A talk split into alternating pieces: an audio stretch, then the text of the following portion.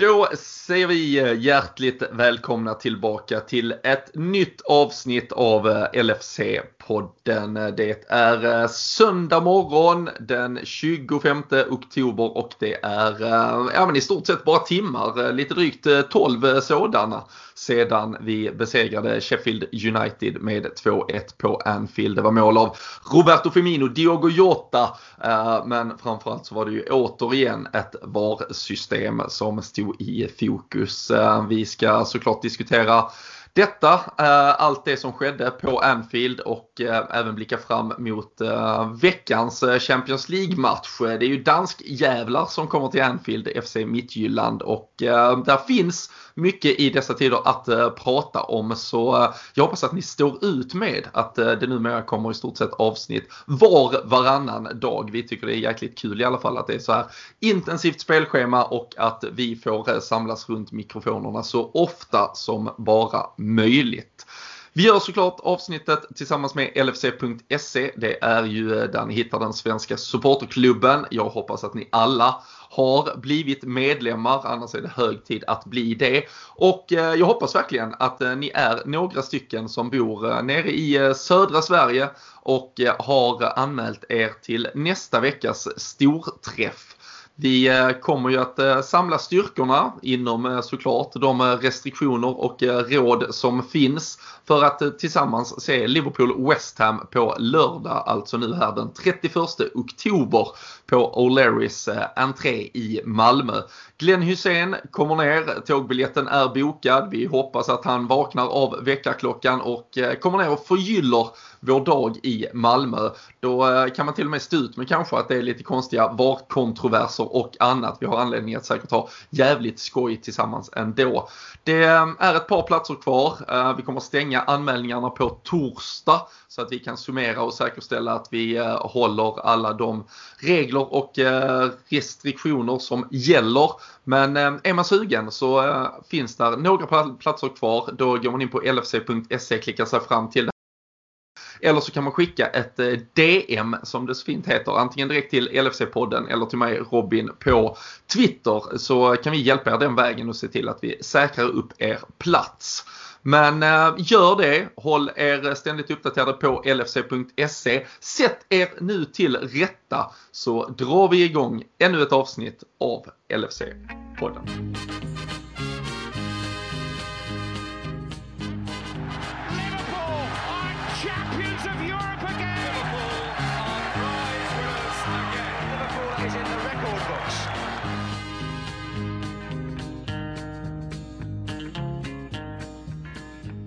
Jajamensan, eh, då sitter vi här igen och eh, vi gör det som sagt eh, tidig söndag morgon, nästan en timme tidigare än vad vi hade tänkt Christian. Men så blir det när klockor ställs tillbaka och man får en extra timme att njuta av den här segern så här dagen efter.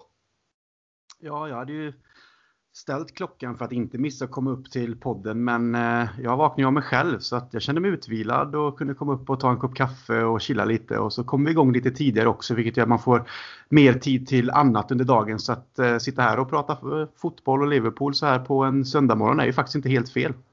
Nej, det, man är ju såklart van vid eh, liksom avsparkstiden från Champions League-veckor och sådär. Då är det ju ofta Kanske med tanke på eh, jobb och annat. Eh, lite oavsett resultat så får man ju eh, kanske stänga av tvn och försöka i alla fall liksom, gå, gå till sängs och ta med sig det som har varit.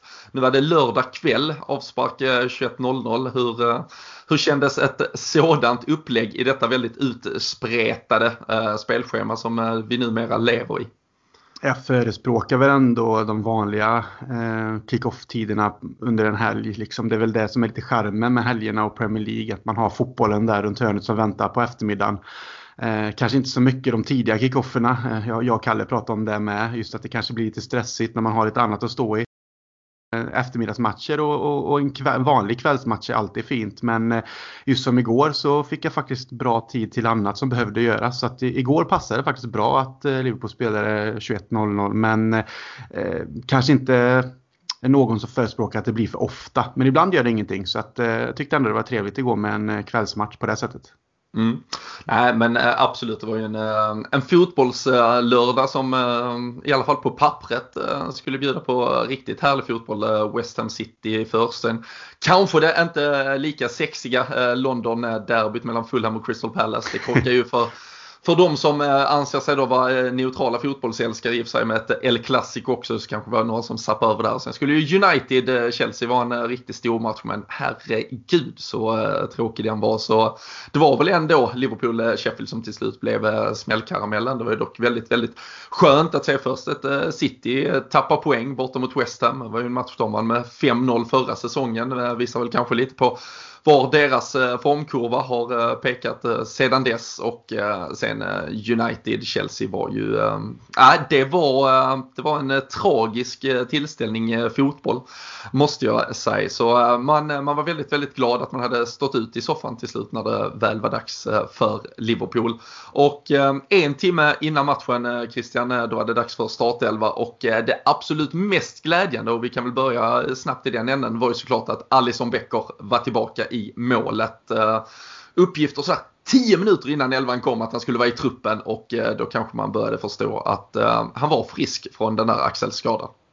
Ja, jag vågar inte riktigt tro på det. Jag var inte beredd faktiskt på att han skulle stå. Ehm, jag har väl inte fått, även om man har hört rapporter om att han hela tiden blivit bättre och bättre och att han har tränat och så, så vågar man väl kanske inte riktigt lita på att han är i ja, matchform just på grund av eh, den skadan han hade och att han kommer tillbaka så pass snabbt. Men eh, det, det, var han ju tydligen och skönt som fasen måste jag säga. Det kändes direkt som en trygghet att han skulle stå. Det, det infann sig någon slags känsla av ja, skönt, nu får vi lite trygghet längst bak eh, som kan liksom styra våran backlinje nu när vi eh, tappat van Dijk och hjälpa till liksom. Och den osäkerheten som Adrian tyvärr har satt på sig själv och kanske genom hela laget, den kändes som bortblåst faktiskt ändå. Så att, eh, nej, underbara nyheter att han är tillbaka och nu är det bara att blicka framåt och hoppas att han håller sig skadefri. Ja, verkligen. Eh, det är ju såklart eh, ganska... Eh, alltså, för att vara en målvakt så har det ju ändå varit ett par olika situationer där han har då skadat sig, missat ett par matcher. Vi vet ju såklart att Adrian fick ersätta under lång tid förra hösten. Sen var det den där perioden kring Champions League-uttåget, att han nu eventuellt skulle spela 6, 7, 8 matcher eh, kanske man befarade först. Eh, vi eh, la ju faktiskt ut en omröstning på Twitter. Det var egentligen i samband med att van Dijk skadade sig förra veckan. Men tusen röstade i stort sett där man då fick välja vilken kombination man hade velat ha över en hel säsong. Och då kunde man alltså välja med Adrian som målvakt men man hade van Dijk och Gomes som mittbackar. Eller att man fick ha Allison som målvakt och då hade vi ju inte ens sett hur bra Fabinho kanske skulle vara som mittback så det var ju alternativet Matip och Gomes. Men det var ändå eh, nästan två tredjedelar som valde alternativet med en ordinarie målvakt faktiskt. Um, gick vi lite vilse i den där djungeln kring hur viktig van Dijk var eh, och att man pratade om att säsongen typ skulle vara över bara för att han var borta. Ehm, um, Alison Becker kanske lika mycket är någonstans här garanten för ett ganska solitt försvar som i alla fall bör vara tillräckligt bra för att offensiva trion och eh, mer därtill ska kunna avgöra matcherna offensivt.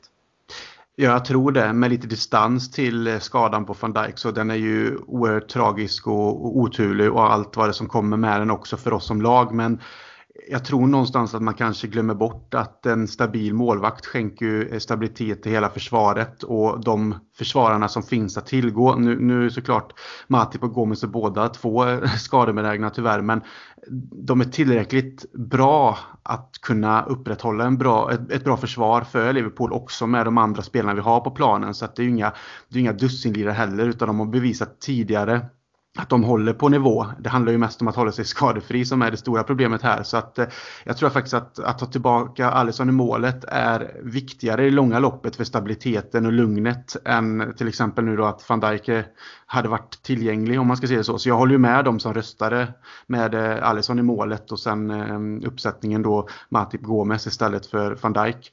Eh, det hade jag också valt om det skulle vara i långa loppet. Och nu när Fabinho går ner och gör ett sånt jobb som man ändå gör och vi kan rotera på det sättet så, så känns det inte lika farligt även om man så, såklart i en, i en perfekt värld aldrig skulle vilja vara utan van Dijk. Men jag, jag, tror att vi ändå kan lösa detta och så får vi se vad som sker i januari såklart. Så jag, jag känner mig ändå trygg nu när Alisson är tillbaka. Ja, men det är skönt. Det tar ungefär en vecka att kanske landa i äh, nya förutsättningar och liksom se det ske. Det är liksom när man satt där på, på söndagen efter äh, skadan, då var det som att vi i stort sett aldrig skulle spela en fotbollsmatch igen och att vi skulle spela utan mittbackar i stort sett. Men äh, nej, det har ju varit, det har varit en skön vecka så sett. ni pratade ju ner Ajax-matchen här mitt i veckan, en, en nolla och det var ju Fabinhos fjärde nolla sen behövde han ju dock eh, agera eller bli eh, syndabock till att det faktiskt eh, spräcktes just igår. Men kronologiskt så stannar vi väl lite ändå vid startelvan och den uttagning som även innebar att Diogo Jota, många som efter Ajax-matchen framförallt lyfter fram att han borde in i elvan. Många som kanske finurlade på eh, lite uppställningar där eh, Roberto Firmino som har kämpat lite med formen kanske skulle få börja på bänken. Eh, nu blev det istället att Klopp valde en 4-2-3 uppställning. Jordan Henderson, Gino Wijnaldum på det där sittande mittfältet och Firmino då lite släpande medan Jota, Mané tog hand om kanterna och Mohamed Salah längst fram. Ehm, att Klopp ändå visar så trogen som han har varit sitt eh, 4-3-3. Eh, att han eh, anpassar sig efter spelare i form. Tror du detta har varit tanken hela tiden när man tog in en Diogo Jota eller är det lite förutsättningarna på grund av ja, men skador på Thiago, att Fabinho är nedflyttad och så vidare som gör att det just nu bara är naturligt eller är detta något du tror vi kommer se oss växla i um, ganska frekvent under säsongen? Jag tror det kommer som ett resultat av att van Dijk är skadad och att Fabinho i det här läget eh, får gå ner och, och, att det då tar bort en mittfältposition, alltså en defensiv och Thiago inte finns tillgänglig heller för den delen. Så att jag tror att det är ett resultat av det. Men jag tror också att eh, i och med Jota i Liverpool finns liksom möjligheten till att växla runt beroende på även utan skador utan bara när det gäller rotation och vila så finns det andra möjligheter att laborera med en, eh, en taktik och en uppställning. Så att eh, jag är glad glad att det finns det och att eh, Klopp ser det också. Nu säger jag inte att han inte ser det men att han istället kanske frångår den här 4-3-3 som man har så starkt vidhållit och sen testar och, och kör någonting annat eh, på grund av eh, situationen som den är men också för att vi har spelarna för den här typen av formation och jag tycker att det ser eh, på pappret när man tittar på uppställningen så kanske man hade som sagt eh, velat byta ut en Wijnaldum såklart mot en Thiago om man nu ska leka lite med det. Men om man tittar på sen eh, trean eh, som är bakom Salah i det här fallet så är det ju ingen, ingen dålig trea och jag tycker om att Firmino också kan droppa lite och komma ner i någon slags offensiv mittfältsroll där han får vara i ett hål och så vidare. Och Kanske kan han hitta tillbaka i en sån roll också. Han kanske inte har varit så vass eh, som eh, anfallare det senaste. Och det här med mål som jag pratade om också. Jag tycker det har fattats en del i hans spel som vi har varit vana att se. Så igår blev det lite annat. Men jag gillade eh, uppställningen. Jag tycker att det ser bra ut på pappret. Och jag gillar att vi kan ändra när det väl krävs. Så att när det kom ut så så var jag ändå nöjd och tyckte att Liverpool ser faktiskt jäkligt farliga ut med den uppställningen. Mm. Nej, jag, jag håller ju helt med att uh, ska man så att här, eh, laborera och få in eh, spelare i form och känna att man kanske maximerar det på, på pappret så har jag ju full förståelse och liksom köper verkligen in på den startelvan man valde. Sen är jag väl lite mer skeptisk. Alltså det, det är ju såklart en dröm att det ska fungera eh, så bra med eh, framförallt Mohamed Salah längst fram. Men jag tycker han söker sig ändå ut på den där högerkatten. Jag tycker ju att han är så jävla bra när han utgår ifrån sin ursprungsposition och det var väl det kanske det jag tyckte att vi led lite av. Alltså han har ju lägen, han eh, är en millimeter offside ifrån att göra ett helt fantastiskt mål. Han har ett par, eh, två, tre avslut till. Han har ett i stolpen så att han, han skapar ju sannoliken sina chanser eh, fortsatt ändå. Um, men, men det är väl egentligen det, det enda lilla negativa.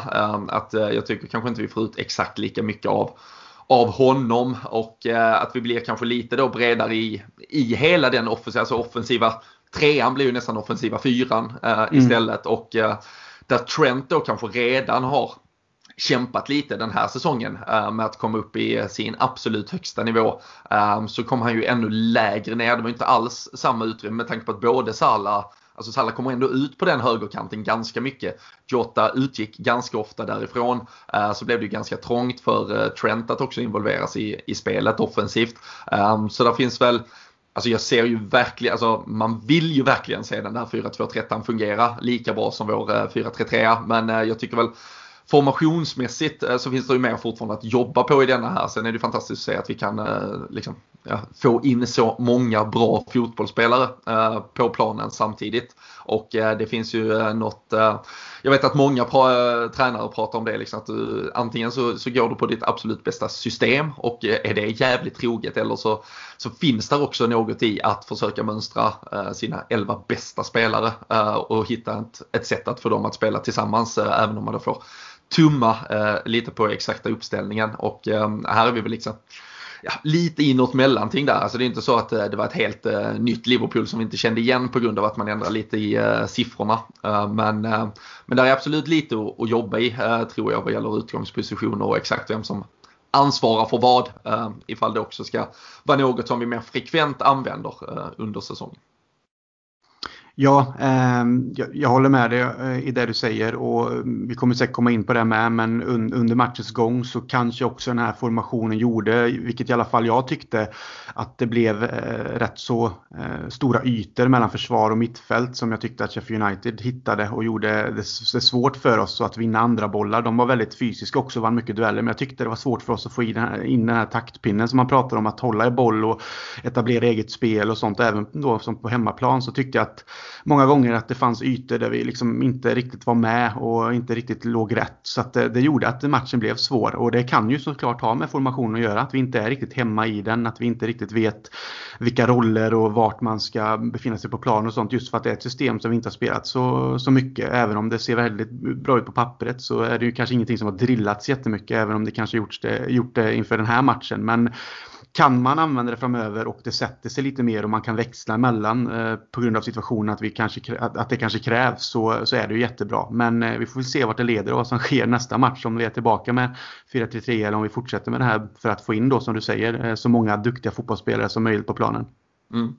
Ja, nej eh, absolut. Eh, spännande är det i alla fall och Eh, vi ska såklart prata om allt det som eh, väl skedde i matchen. Men eh, kan väl passa på att konstatera, jag tror inte att någon väntar på att vi ska spoilera detta, men 2-1 slutade ju matchen och vår tipstävling igår den vanns av Sander. Vi kör ju på Twitter inför varje match där man kan tippa resultat och man tippar även då sista målskytt och minut för sista mål. Sander var faktiskt ensam om att ha 2-1 med Diogo Jota som målskytt och då räcker ju det eh, för att vinna. Minuten hade han 91 så där var han ju faktiskt en bit ifrån. Eh, vi hade en annan 2-1 men det var inget minuttips alls eh, så då kan vi ju faktiskt inte ta höjd för det. Så se till när ni är med och tippar att ni skriver in rätt grejer och så gratulerar vi Sander till vinsten. Normalt brukar vi ju ha tröjor eller annan härlig merch från våra vänner på Sam Dodds. Eh, men igår så var det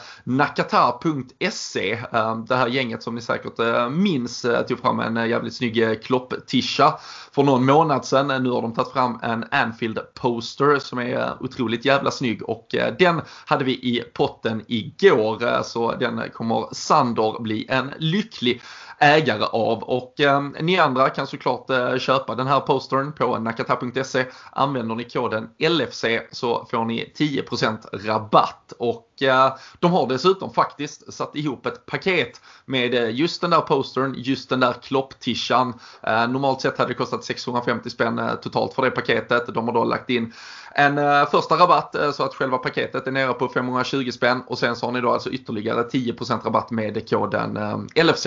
så det är det 468 kronor säger min matematiska kunskap mig. Så nästan 200 spänn sparat och ni har något snyggt att pryda väggen med. Något snyggt att att bära upp. Eh, kanske perfekt också som eh, några kommande sådär första presenter, julklappar, bunkra upp. Men eh, surfa in på nakata.se och så gratulerar vi såklart också Sander till gårdagens vinst. Men eh, när matchen väl kom igång Krille, man eh, satt där och kände att nu ska vi väl kunna glömma allt som hände mot Everton och VAR och allt möjligt skit. Men eh, det tog inte lång tid innan Mike Dean fick en anledning att eh, knacka lite på öronsnäckan och höra vad gänget i eh, Stockley Park eh, höll på med.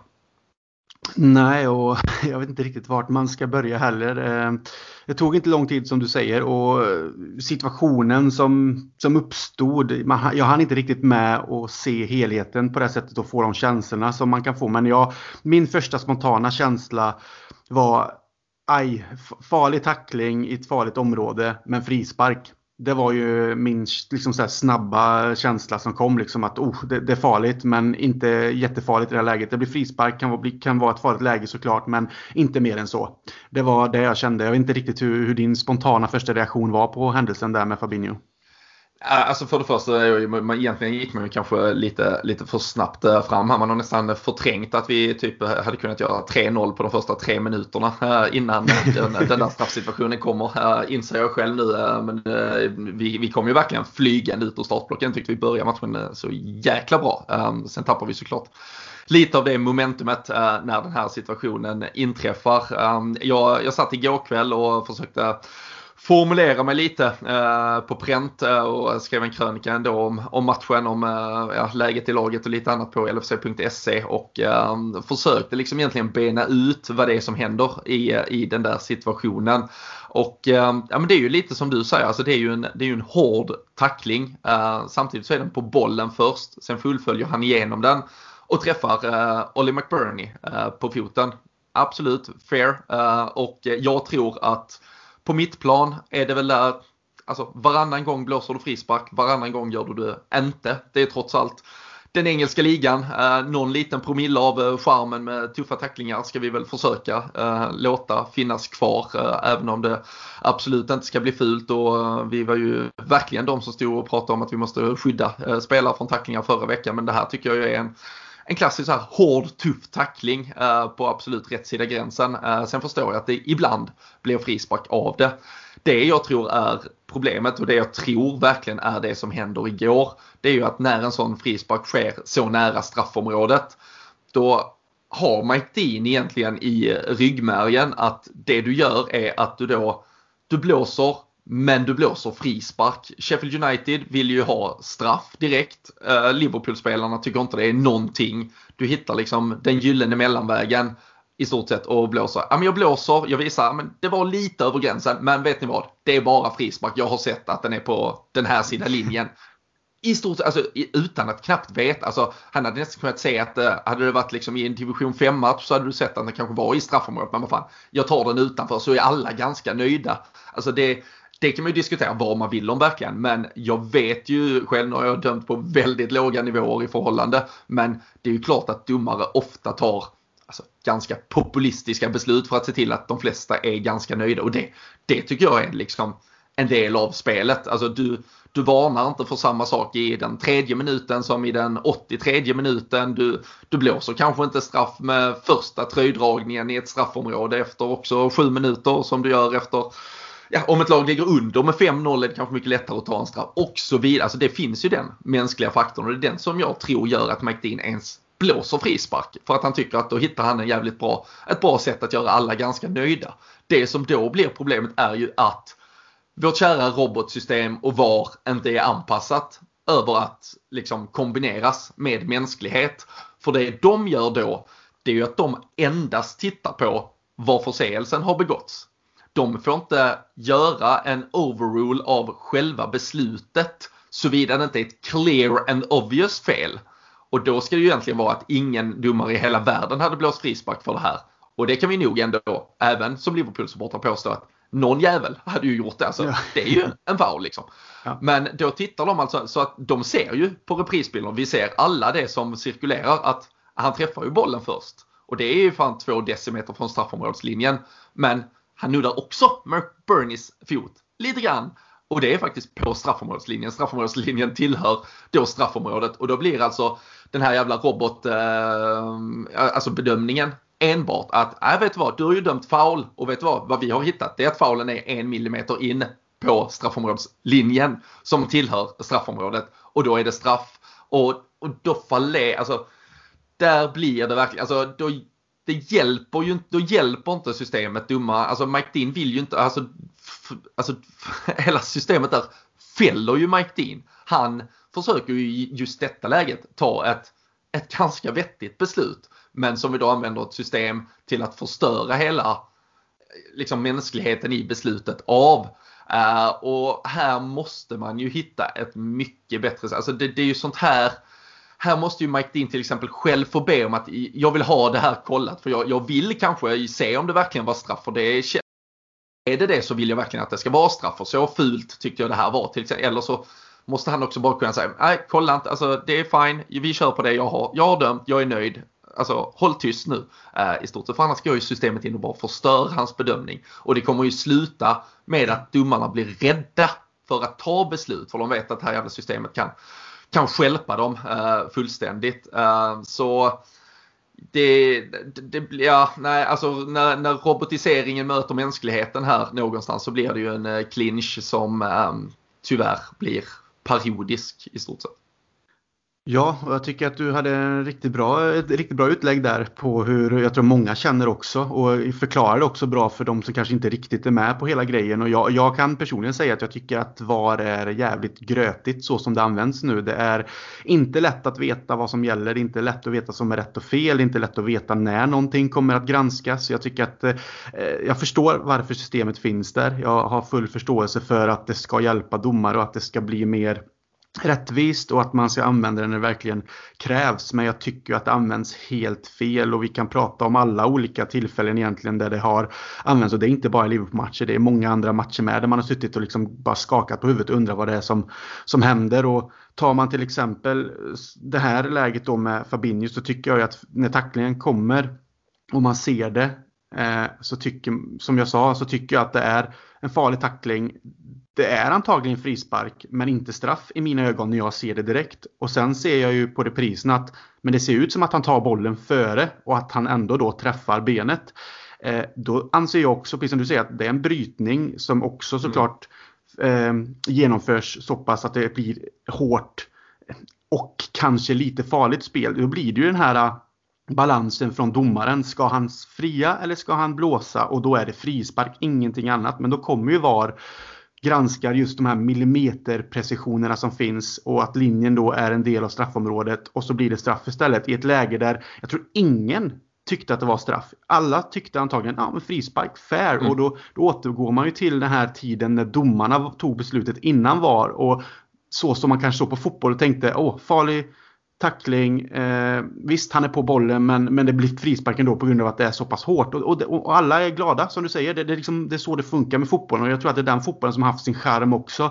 Även i andra eh, fall när det har varit straff eller inte straff och, och, och sådana saker med innan var. Då tror jag att folk har varit rätt så nöjda med att domare kan ta fel och att det ibland sker lite mänskliga errors helt enkelt. Men i det här fallet som du säger med då, det, kommer, det känns som att det kommer smyga sig in mer och mer osäkerhet för domarna vad de faktiskt vill vill och kan döma för att de känner ju här att jag kan ta det här beslutet men blir helt överkörd. Jag vet inte riktigt vad som kommer att vara rätt och fel och det, det kan ju bli fel på det sättet med och sen är det även när vi pratar om de här offsiderna och millimetergrejerna. Eh, vi, vi, såg ju Mané när han stod och knappt, alltså den offsiden hur man ens hittar den är ju svår att förstå. Eh, mot Everton då pratar jag.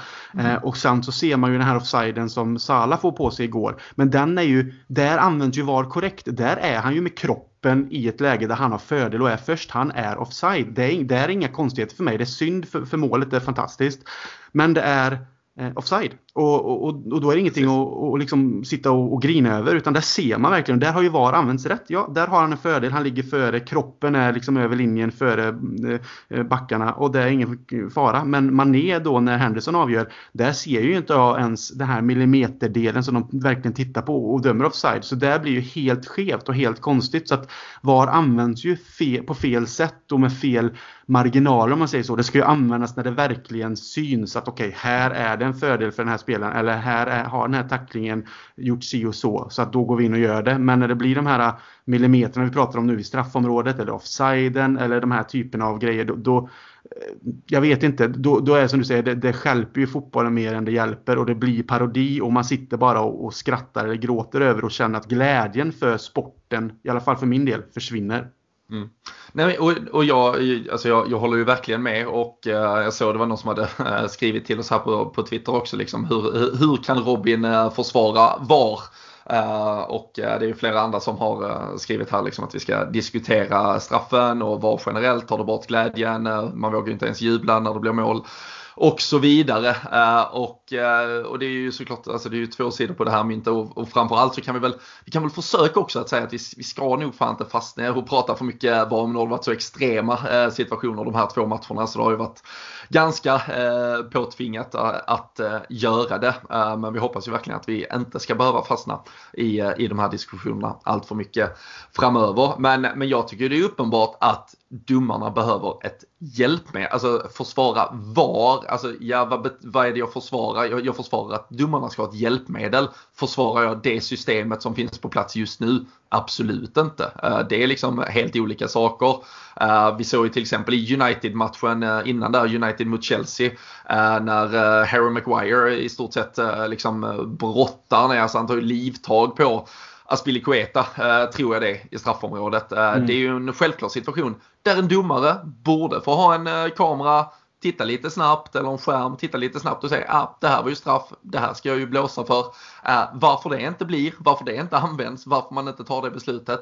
Det kan vara de där eh, som sitter anonymiserade i stort sett i Stockley Parks eh, källarlokaler och tar massa konstiga beslut svara på. Eh, men att eh, eftersom domaren uppenbarligen inte tar beslutet själv på planen så hade det ju behövts ett hjälpmedel eh, för att hitta det. Sen att det hjälpmedlet någonstans finns men inte utnyttjas och att det sen finns samma hjälpmedel om man granskar saker som jag tror att ingen någonsin röstade för när 20 klubbar i Premier League var helt överens om att vi behövde ett system för att hjälpa domarna. Det är en helt annan sak. Um, offsiden och det här det pratade vi om senast och jag håller ju helt med. Alltså Salah, det är ju klart att det är jävligt synd att det är offside men, men det är ju offside och det får man ju acceptera. Det tror jag ändå är exakt en sån situation man röstade för där för uh, ett par år sedan med alla lagen att det där vill vi se. Vi vill inte att uh, liksom ett lag åker ut på att uh, en spelare egentligen var ja, en decimeter offside när han avgjorde och gjorde mål. Uh, men det är ju också en bild och en offside man kan se genom att bara frysa bilden en gång. Man säger ah, ah, men det var, han var före, vi blåser. Och eh, det är väl ditåt man vill eh, på samma sätt som med den här straffen. och att domaren själv liksom säger att jag vill kolla det här. Så fan, det, det här kändes konstigt. Jag såg inte riktigt vad som hände. Det är ju de situationerna han ska få hjälp med. Vi kan inte ha, för det är ju också det som blir det här problemet. Du tar bort det med, alltså domaren på planen har ju trots allt relationen till spelarna. Han tar vissa beslut, alltså vissa spelare kanske du har haft ett, eh, alltså det kan vara allt från ett gult kort till ett rött kort till varför du till slut bestraffar en spelare. Alltså för hur ja men hur fan den här spelaren har betett sig i 90 minuter. Men så sitter det någon som inte har någon som helst koppling till matchen och tar beslutet helt robotiserat. Och det, det blir ju helt fel. Så det, vi måste få till någon ändring i systemet där det blir domarnas hjälpmedel det här och inte att det blir det här systemet som går in och förstör eh, beslut och eh, fokuserar på, på helt fel saker. Exakt hur det kommer att ske, när det kommer att ske, om det kommer att ske, det, det kan man ju bara spekulera kring. Men, eh, men det är klart att det är ett, eh, ett stort, stort problem just nu. Och sen så måste man väl kanske också komma ihåg att det vi har varit med om de här senaste matcherna är extremt. Uh, alltså man kan ju verkligen tycka att systemet uh, haltar men uh, det haltar ju, har ju liksom inte varit den här typen av rubriker i någon annan match eh, i Premier League eller för den sakens skull typ i, i hela världen eh, under den här säsongen eh, kring vad vi har upplevt på, på bara de här veckorna. Eh, väger man in även Aston Villa-matchen så har vi alltså på tre matcher så har vi, där släppte vi in tre stycken eh, deflection-mål. Sen har vi alltså haft tre stycken millimeter offside eh, bortom om vi tar både Mané, Salah och även då van Dijk eh, innan han nästan då kommer till bollen och gör mål men istället blir misshandlad och då hade de ju tittat på helt andra saker ifall det inte hade varit en offside uppenbarligen. Sen har vi då den här straffen igår vi har att de inte tittar det röda kortet på van Dijk. Alltså det är ju otur i kvadrat som du kanske normalt sett samlar på dig på två, tre säsonger Christian. Så vi kan väl hoppas om vi försöker liksom knyta samman hela säcken kring domslut och annat att vi har haft de där studsarna mot oss nu så det räcker och blir över. Så det bör finnas utrymme för att eh, vi går vinnande ur något jävla domslut eh, de närmsta veckorna i alla fall. Ja, det, det, får man väl hoppas. Men sen eh, det som kvarstår någonstans i det här hela. Vi får hoppas att det blir bättre. Som du säger, vi har varit med om väldigt mycket konstiga saker de här senaste två matcherna nu och, och det har hänt mycket som som man liksom bara sitter och undrar vad det är som sker och man märker ju även på sociala medier liksom hur det blir upprört. Och det är inte konstigt. Alltså jag säger inte att allting bara för att det är Liverpool gör att man blir upprörd utan det är ju faktiskt hur situationerna blir. Och som jag sa innan, man har sett andra situationer. Du tog upp den här med Maguire innan. Det är ju en sån situation man också sitter och skakar på huvudet åt och undrar vad det är som sker. Men det här som är lite farligt med, som jag tycker i alla fall, och det tror jag du håller med mig, det är ju det här känslan av att inte då våga kanske fira vissa mål som någon var inne på också här angående ändå när, när Firmino gör mål. Att man inte riktigt vågar få ur sig känslorna likt man blev eh, besviken när, när Henderson avgjorde egentligen då mot Everton om man säger det så. Och man tror verkligen att det är mål för man hittar ingenting annat som på något sätt skulle säga att det inte är det. Och så får de fram den här millimeter offsiden. Likväl var det ju då när Firmino gör mål, man var ju osäker där. Oj, ska man nu liksom, hur blir det här? Och, och man, man, kan inte riktigt njuta av det. Man blir nästan mer nervös och man är redan nervös i, i, fotboll och har varit det tidigare med just för att man vill vinna och det är viktigt med poäng och sånt. Men nu, nu tar det även bort den här stunden av glädje där man liksom bara eh, exploderar och känner att fan vad gött, fan vad skönt och man eh, så här, nu, nu vågar man inte riktigt leva ut det. Och jag vet inte om du håller med mig men det tar också bort en stor del av skärmen. Och det är väl, jag ska inte säga att det är tur att det inte är fans på plats för det är det absolut inte. Men de stunderna på plats tillsammans ja. med andra det är de stunderna man lever för som supporter och ska man, ska man få stå där och studsa i en 20 sekunder och sen helt plötsligt få veta att nej, det var en millimeter offside eller det var det här och så bara jaha, alltså då, då, mm. då dör ju själva känslan och, och, där vet jag inte hur vi ska eh, ja, vart man ska komma. Och det, då krävs det ju att det faktiskt görs de här rätta besluten och inte blir de här precisa millimetergrejerna och väldigt konstiga sakerna som har skett. För då, då dör faktiskt sporten och då, då kan man ju lägga ner fotbollen i långa loppet om, om jag ska vara helt ärlig. För det, och då är det inte kul att titta på. Nej, och det, alltså, jag, jag tycker väl där är någon Alltså det, det, blir väl också något, man måste hitta något, något, eh, något medel uh, vad gäller det. Alltså, den, alltså, när, när, när Jordan Henderson gör 3-2 mot uh, Everton förra veckan, alltså då, då alltså efter allt som hade hänt i den matchen, alltså där, då, då ryker ju allt uh, för min del uh, när jag sitter liksom i, i soffan och flyger fram och slänger mig på golvet. Och liksom, alltså det är ju, och, och, sen, och sen så måste man någonstans när man ligger och sprattlar på golvet så måste man typ samla sig och tänka fan, fan, det kan väl inte vara, alltså jag har ju knappt tagit in hur, hur fan gjorde vi målet? Alltså det har ju liksom, det är bara en boll i nät eh, jag ser där på när jag när jag tar in det. Eh, och sen så måste man ju tillbaka, vänta, vänta, vänta, vad hände egentligen? Och, och sen så börjar man samla sig och, och se vad de börjar titta på, vad som händer.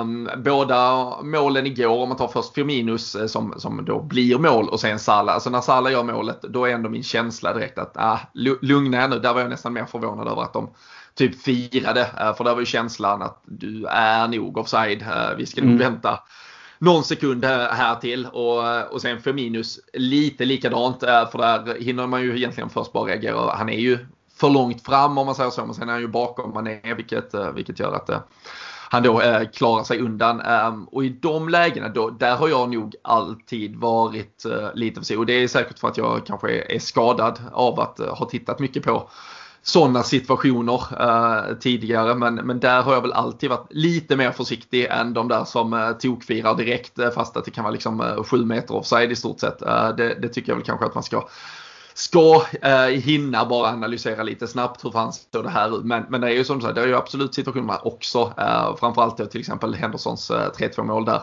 där man firar för man är så jävla säker och man kan inte förstå. Och ibland går de ju tillbaka både en, två och tre spelsekvenser och så inser man åh helvete, här var något också. Och det tycker jag väl egentligen är är ännu jobbigare. Eh, om mm. det är något sånt. Om det är liksom, ja men det var en frispark här på mittplan i uppbyggnadsfasen eh, som förstör eh, för er och så vidare. jag har sett det har ju varit eh, de riktigt periodiska eh, situationerna där ett lag till exempel har gjort mål men så visar det sig att det har varit eh, straff i eller hans eget straffområde och så istället för mål så har du straff emot dig och så vidare. Så där ja. finns ju de här, nej, där finns ju de helt extrema men jag förstår och håller ju med om att det har blivit de här 5-6 sekunderna som måste gå där man måste tänka och snabbt se den första reprisen i alla fall innan man vågar ta ut någonting och kan bestämma sig antingen så kan jag fira som en idiot eller så måste jag nog börja vänta här lite eh, på vad som händer. Eh, och eh, jag vill väl inte gå så långt än så länge som att säga att fotbollen kommer dö av detta. Jag hoppas att någon räddar den längs vägen. Men jag förstår hur man tänker och tycker.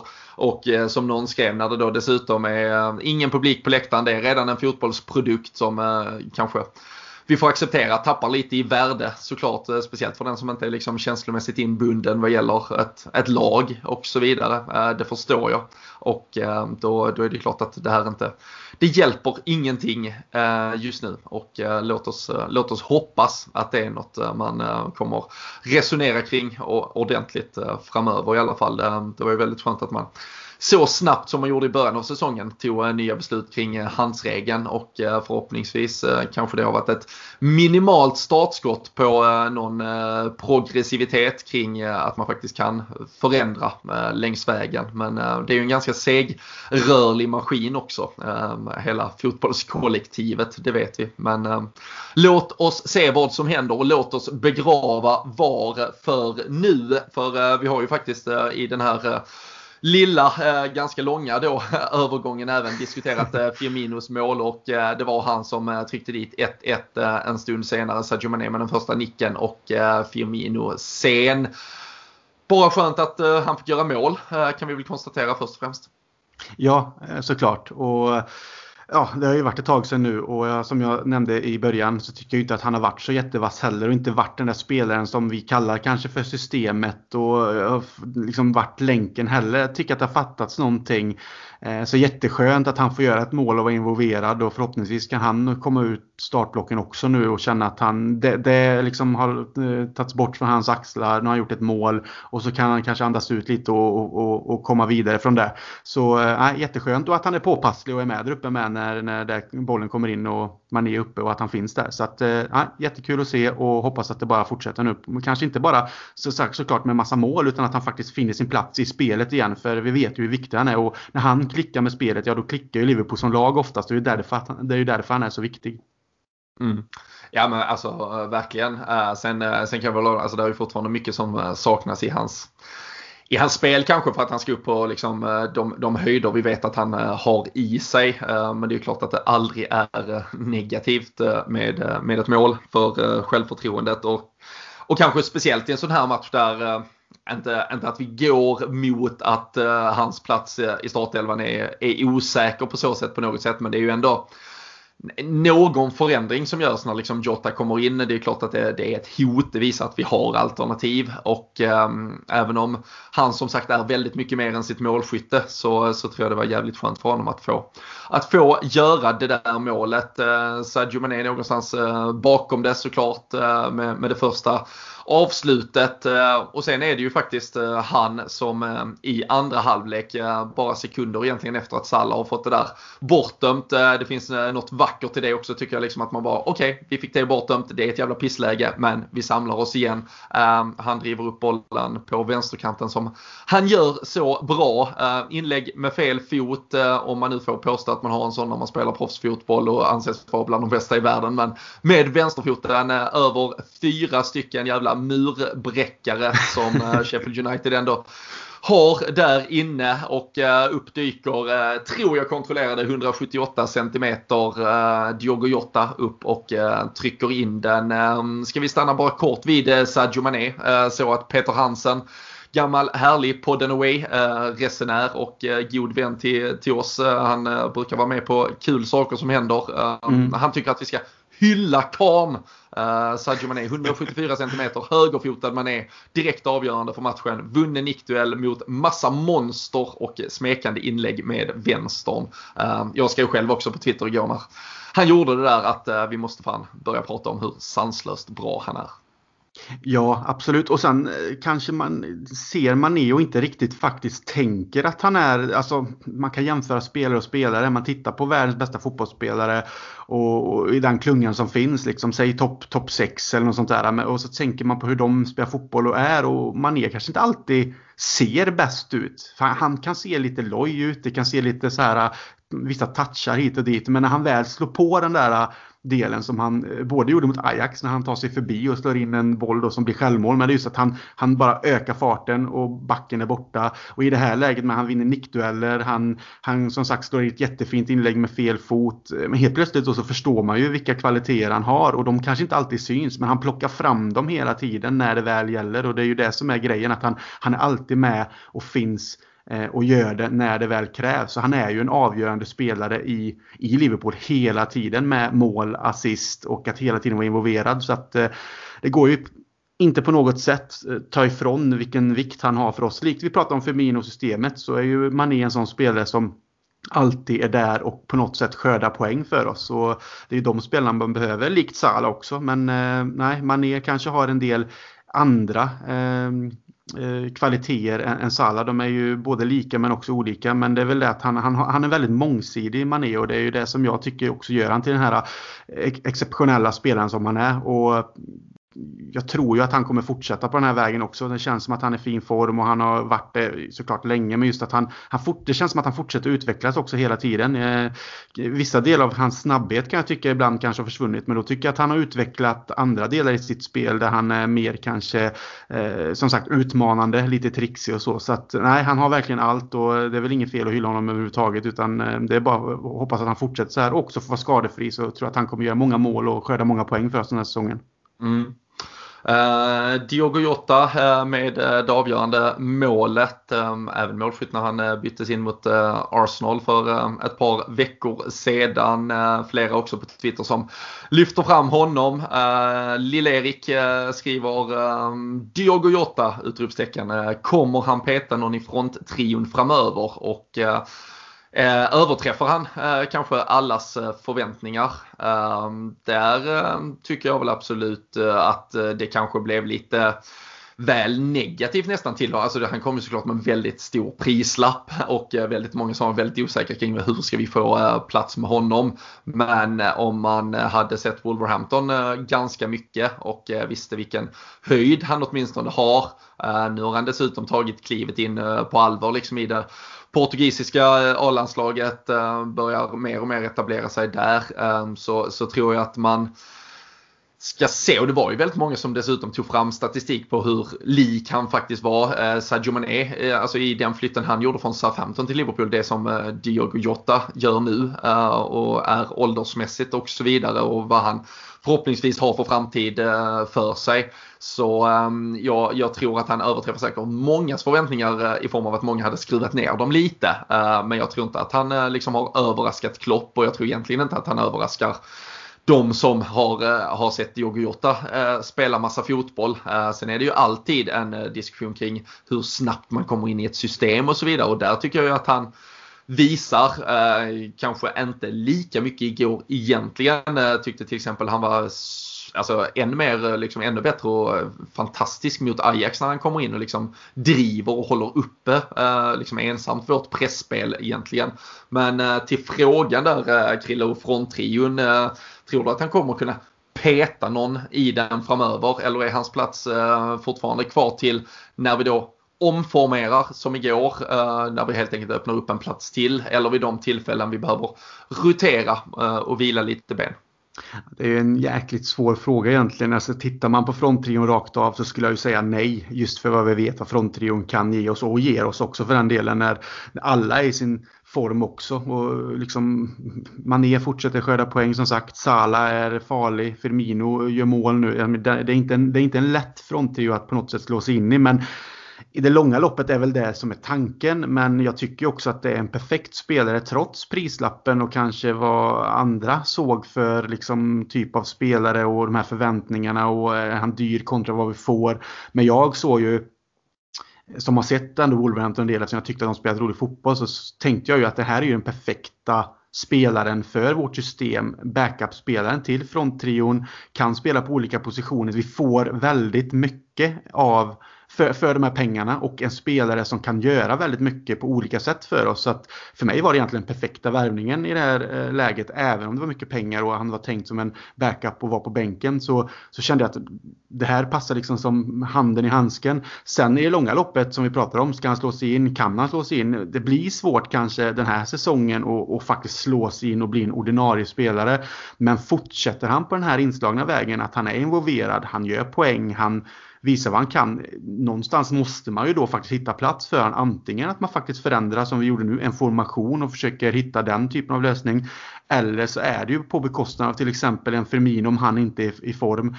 Nu är ju Salah och Mané världselit. Så jag säger liksom att det, det, det, är svårt att ta ut dem ur ett lag för man vet att de kan blixtra till när som helst och, och, och avgöra. Det är, liksom, det är på den nivån de är. Men fortsätter Jota på det här sättet så, så, så, blir det ju svårt att se vart, vart både han ska in med vem man ska ta ut. Men det är ju ett lyxproblem som vi har pratat om att vi inte haft förr i tiden. Nu sitter vi verkligen på det här. Okej, okay, någon kanske inte riktigt får till det. Jota kan komma in, eh, han kan göra mål. Eh, kan vi ändra om systemet som sagt, han kan få plats ändå, han, han bidrar. Så att egentligen så känner jag bara så här, fan vad skönt att det finns en spelare som vi vet gör skillnad. Oavsett om man startar eller kommer in så vet vi att vi får kvalitet. Istället för att vi kanske tar in någon som vi känner bara, ah, men han kommer in, han gör ett jobb men händer inte så mycket mer. Så just här och nu får han nog vara den här backupen eller rotationen i ett system. Men i det långa loppet så tror jag absolut att han kan vara en startspelare för Liverpool och då kanske vi pratar om ja, en, två säsonger. Men vi får se vad som sker också. Väljer vi att göra oss av med någon där framme för att eh, finansiera för någon annan? Det, det får framtiden utvisa. Men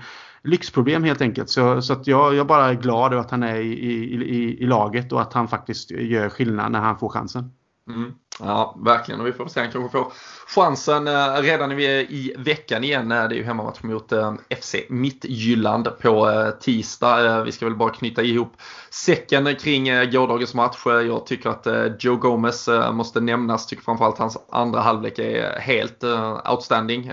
Sheffield trycker på ganska bra, börjar bygga lite tryck eh, som du var inne på, vinner eh, och krigar på mycket bollar, både första boll och andra boll. Och eh, vi, vi hade ibland lite svårt att få grepp om dem, framförallt någonstans runt 75 minuten kanske när de verkligen de eh, växlar upp. Jag tycker de sätter upp eh, hela sitt lag lite högre, etablerar en viss eh, press men det blir faktiskt aldrig riktigt, riktigt farligt. Och jag tyckte Joe Gomez var garanten för det igår. Så jag tycker han ska lyftas och även både Jordan Henderson och Gino Wijnaldum som lär ha varit kanske lite tröttare än vanligt efter att ha fått vara lite mer ensamma då än vad de kanske brukar vara på det där mittfältet. Men var faktiskt de som eh, skänkte lugn åt, eh, åt laget där eh, i slutskedet. Framförallt Gini Wijnaldum drev upp mycket boll, dödade tid. Jordan Henderson var den som dikterade och styrde. Ehm, och det är väl sånt man också måste komma ihåg. Alltså hur, alltså vi har ju som sagt, alltså vi har fem, sex spelare som är absolut världsklass. Där pratar vi alltså spelare som är bäst på sin position i världen. Men vi får inte glömma hur otroligt hög kvalitet det då även är på spelare som ja, men till exempel Joe Gomez, Gino Wijnaldum, Jordan Henderson som är spelarna i kanske skiktet under som inte får utropstecken i rubrikerna var varannan match. Men som när det behövs så är det ju så ofta de alla eh, som tillhör liksom det, det gänget, om man säger så, eh, man lyfter sig och står för liksom direkt vägvinnande insatser. Ja, jag blir ju väldigt överraskad och positivt överraskad såklart. Men en sån som Wijnaldum som vi vet det jobbet han kan lägga ner, lägga ner för laget. Vi vet vad han är bra på, vad han gör och hur, hur betydelsefull han kan vara i den typ av den här matchen såklart. Som vi såg och att han ens orkar hålla i bollen i slutet av matchen igår på, på högerkanten var det väl. Han liksom eh, höll bort två, tre spelare, gjorde någon tunnel på det och försökte ta sig förbi. Och det här är liksom i slutet av matchen där han redan har sprungit mycket. Det, det säger också en del om arbetskapaciteten, viljan att eh, såklart vinna, eh, att betyda och så vidare. Så att eh, det du nämner om de här tre spelarna nu då, Wijnaldum, Henderson, och Gomez, att de har fått ta mycket skit tidigare i olika omgångar. Henderson har ju såklart vuxit ut som kapten och en spelare som har etablerat sig att vara oerhört viktig för Liverpool. Så att han har ju bibehållit en nivå som man Eh, han är ju aldrig egentligen dålig längre. Han kunde ju ha de eh, svackorna förr men nu känns det som att han har hittat sin plats och är en spelare som någonstans hela tiden håller en hög nivå. Och mycket på grund av sitt ledarskap och sitt passningsspel och sina lungor såklart. Men samma sak med Wijnaldum där. Det är de här arbetshästarna som faktiskt krävs för att fronttrion och, och som, som igår egentligen då en, en frontfyra ska få de ytorna och den tiden till att faktiskt lägga ner sin kraft på offensiven. Och då får man inte glömma bort dem som faktiskt ligger där bakom och försöker styra styra och ställa vinna boll. Och som du nämner även Joe Gomez. Han har fått tagit mycket skit på grund av att han har varit lite ur form och det har inte sett så bra ut. Men jag menar när han gör sådana andra halvlekar som han gjorde igår. Och, menar, han är fortfarande ung och han är landslagsspelare. Vi har sett honom vara oerhört bra jämte van Dijk det, det, kan ju inte på något sätt undgå någon att han håller en oerhört hög kvalitet och har mycket tid att bli bättre. Men fotbollsspelare får svackor. Som jag nämnde, Henderson har fått det förr, fått jättemycket skit. Men jag Gomes är fortfarande så ung så att han har sån tid att etablera sig ännu mer. Vi måste bara ha ibland tålamod med att alla kan inte alltid vara på en högsta nivå. Eh, som till exempel Mané, Salah oftast är kanske, även om de också kan ha små, små svackor i, i vissa matcher. Men de blixtrar ändå till. Men man får ha det tålamodet och ha den förståelsen att alla är heller inte van Dijk. Liksom de spelarna växer inte på träd. Men att ändå ha spelare som är under det skiktet som världsklass. Det, det gör ju ändå att man känner att ja, men vad fasen, finns det någon bättre mittback i England eh, som är engelsk än Joe Gomez? Nej, antagligen inte. Finns det många andra bättre mittbackar i Premier League än Joe Gomez förutom van Dijk? Ja, antagligen någon, men inte många. Så där måste man ändå inse att vi sitter på en guldklimp. Nu handlar det bara om att hans självförtroende får fortsätta och han får bygga vidare och ta ytterligare ett steg nu när van Dijk är borta. Och såklart att han inte drar på sig skador som han har haft tidigare som har hämmat honom lite. Men får det bara fortsätta så så har jag inget problem med att vi har Joe Gomez. Jag är eh, istället väldigt glad att vi har Joe Gomez. Så att eh, nej, han ska hyllas för den insatsen han gjorde i andra halvlek igår. Och jag hoppas att han fortsätter kommer spela för att det är ändå framtiden för oss som vi kommer satsa på. Han är så pass ung så att det kanske är han som leder Liverpools försvar framöver. Mm.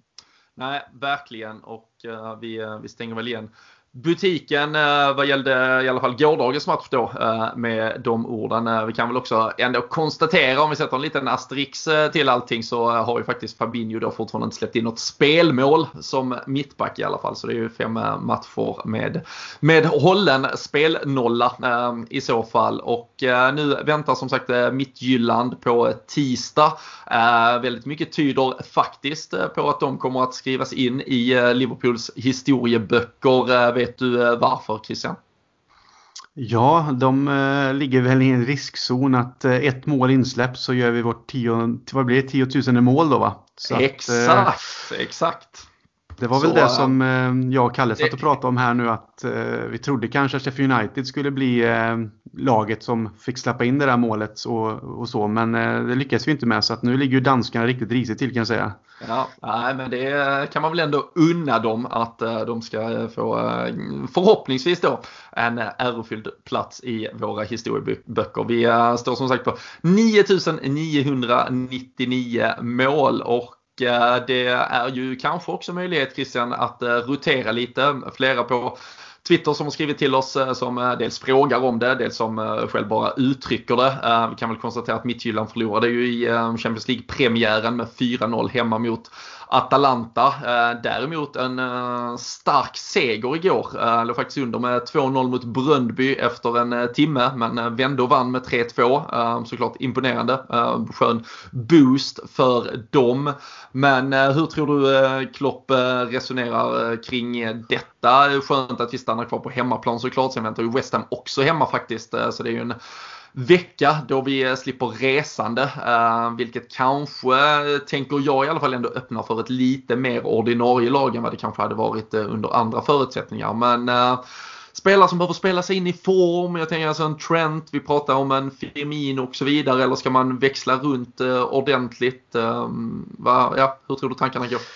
Nej, men växla något tror jag är nyttigt just för att det är ett väldigt tajt matchande med. Även om det blir lite mer vila såklart på något sätt efter tisdagsmatch till lördagsmatch som det är och det är senare match på lördagen. Men det, det är ändå ett schema som, som tär på spelarna och jag tror det som likväl som vi bytte ut hela fronttrion mot Ajax eh, där så tror jag att Klopp har i sina tankar liksom att vi, vi vill inte i onödan slita för mycket när de får spela så många matcher och vi behöver dem verkligen framöver för att etablera oss i, i toppen av Premier League också ta de här viktiga poängen som, som till exempel West Ham hemma då som eh, har visat sig nu. De tog poäng som sagt mot City och allt det här så det är ingen lätt eh, liksom, nöt att knäcka heller. Så det gäller att vara lite smart här. Och jag, jag tänker att vi, vi kan rotera lite hemma mot Midtjylland utan att på något sätt vara respektlösa mot dem. Så kanske det ändå är en match som vi ska gå in och vinna likväl som vi startar med ett ett, ett lite svagare mittfält om man kan kalla det så mot, mot Ajax utan att på något sätt säga att Jones är en dålig spelare. Men vi, vi förändrar lite, vi, Milner får spela och vi byter ut fronttrion här och då känns det ändå som att ja, men vi kan åka dit och ändå göra ett jobb. Och som du och jag var inne på när vi diskuterade lite på Twitter var ju att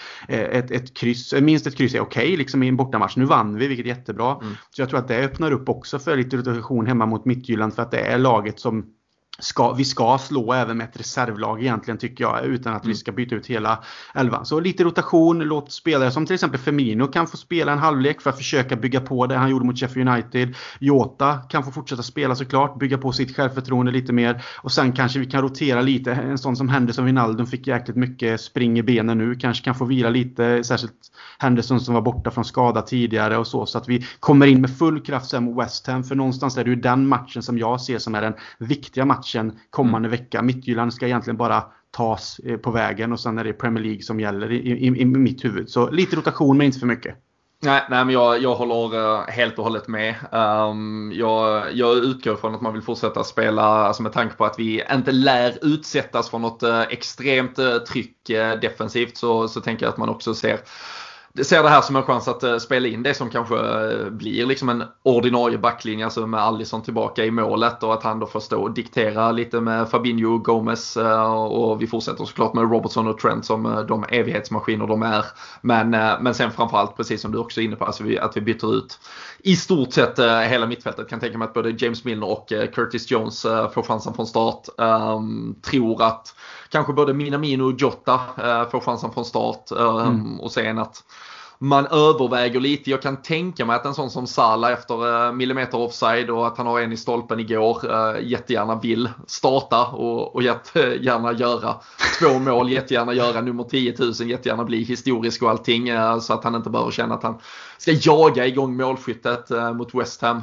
Får ju låta det som att man, han har haft en torka när han har bränt några chanser i, i en match. Men vi vet lite hur både han och Sadio Mané fungerar så de vill ju vara så otroligt involverade i det vi gör. Så jag tror, mm. inte det är helt, jag tror inte det är helt dumt att starta en sån som Salah. I alla fall och låta han spela första halvlek eller 60 minuter. För där bör finnas läge att få, få till ett mål här på tisdag i alla fall. Men det ska bli kul att se.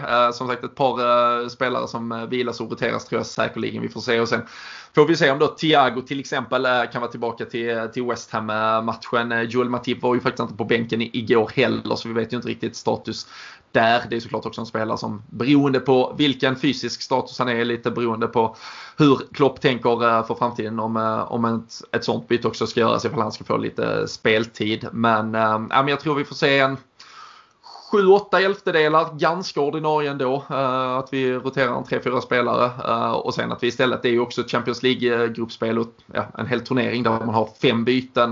Uh, vilket gör att vi kan göra lite som där i Ajax-matchen. Att är det någon som bara behöver en halvlek eller 60 minuter så, så gör man de bytena lite längre fram. Mm. Men det är såklart också en match vi ska vinna. att vi når 10 000 skriver väl vi båda under på Christian. Men hur tror du att det slutar? Slutar. Hur många mål har Liverpool historiskt gjort eh, när eh, de där 90 minuterna är över? Uh, ja, jag tänker på hur det gick för Midtjylland mot uh, uh, hemma mot Atalanta var det till och med va? Precis. Så ja, och de är ju också väldigt duktigt lag såklart men eh, jag känner väl att vi har ju det där i oss också mot det här motståndet särskilt på hemmaplan och att vi vet att det är tre poäng som gäller och det här nu att vi kan komma in mot West Ham med självförtroende och allt det här och att, att ha sex poäng i gruppspelet då är ju jäkligt skönt med men känslan bara säger mig att vi, vi vinner med 4-0. Det eh, är väl taget. Ja, jag fick det liksom, kan, kan Atalanta, det var 4-0 va? Om jag inte helt missminner Kan de så kan vi tänker jag. Kan de kan vi. Ja, men jag, jag skriver under på det. Vi, eh, det är vårt eh, gemensamma tips eh, från, från podden idag. Tillsammans är vi jävligt starka. Vem gör mål är... nummer 10 000 då? Mål nummer 10 000 det gör Trent faktiskt. Tänk den du. Ja, skruvar in en frispark och sen så äh, flyger han äh, hela hösten här och gör äh, två mål till och sju assist minst. Ja, så, ja, spelar ni fantasy i Premier League så är det bara att gå långa nu här. nu, nu har ni hört det. Men, äh, ja, men det hade väl varit snyggt att äh, det var en local lad som äh, hängde in den. Men mycket talar väl kanske för att det är Mohamed Salah ändå va? Äh, ifall han startar. Men äh, det viktigaste blir att vi tar en seger och tre nya poäng i det där Champions League-gruppspelet. Kan ju konstatera att det var ett starkt Ajax vi slog ändå. De vann ju med 13-0 igår i ligaspelet ja, mot äh, så uh, hade vi bara spelat i Eredivisie så hade vi haft eh, 14-0 eh, vinster då. Uh, ibland helt enkelt. Men uh, nej, det, det, är väl, det är väl någon form av parodi. Jag tror att Lassina Traoré gjorde fem mål och tre assist. Okej okay, insats men jag vet inte om det är så bra för fotbollen i stort. Att, det, det slutar sådär. Jag minns själv när Real Madrid slog Malmö FF med 8-0. Då, då tyckte man att sporten var död. Det här är alltså i en, i en liga där lagen Eh, ändå ska vara någorlunda eh, lika bra. Men eh, sidospår och eh, något från någon annan podd att eh, ta upp. Eh, vi har pratat ner Sheffield United-matchen. Vi kan försöka stryka ett streck över den. Just nu ligger vi på delad serieledning tillsammans med Everton. De möter Southampton idag så vi får väl se hur det ser ut när vi summerar efter omgången. Och på tisdag Champions League mot Midtjylland. Våra tipstävlingar är såklart tillbaka. Sam Dodds fortsätter att ösa ut härlig merch till er alla. De har fått in en jävla massa snygga Nike-saker också. Så har man inte varit inne och kollat på ett par, eh, ja men ett tag så tycker jag att man ska in och kika. Och eh, sen så eh, när det är dags för West Ham nästa helg så har vi som sagt storträff syd med Glenn Hussein på O'Learys i Malmö. Och vi har ett par platser kvar.